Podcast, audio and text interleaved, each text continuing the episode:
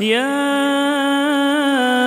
أبت إني قد جاني من العلم ما لم يأتك فاتبعني أهدك صراطا سويا. لا تقل محتقرا لي إنني مجرد ابن صغير.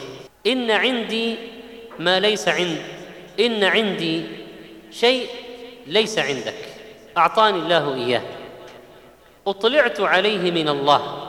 لم تطلع عليه أنت. ولم يقل يا ابت أنا عالم وأنت جاهل. وإنما قال وصلني علم لم يصل إليك. لم يقل ليس عندك شيء من العلم. وإنما قال جاءني من العلم ما لم يأتك. أنت جاءك أشياء لكن أنا جاءتني أشياء لم تأتك. وصلني ما لم يصل إليك ولذلك ينبغي أن تتبع الحجة وتنقاد إليها. فاتبعني. أهدك صراطا سويا مستقيما يوصل إلى النجاة من المرهوب وتحصيل المطلوب وهو النعيم والثواب. ما هو هذا الصراط السوي؟ عبادة الله وحده لا شريك له وطاعته في جميع الأحوال. يا ابت لا تعبد الشيطان. لا تطعه في عبادتك هذه الأصنام.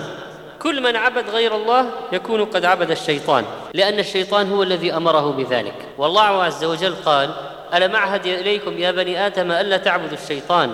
إنه لكم عدو مبين. وقال تعالى إن يدعون من دونه إلا إناثا وإن يدعون إلا شيطانا مريدا لعنه الله. كل من عبد غير الله فقد عبد الشيطان. إن الشيطان كان للرحمن عصيا مخالفا مستكبرا عن طاعة ربه ولذلك فالله طرده وأبعد وأخرجه من رحمته.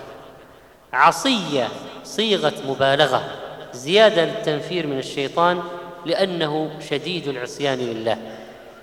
إن الشيطان كان للرحمن عصيا. المعاصي ممكن تمنع رحمة الرب كما أن الطاعة من أكبر أسباب جلب رحمة الرب.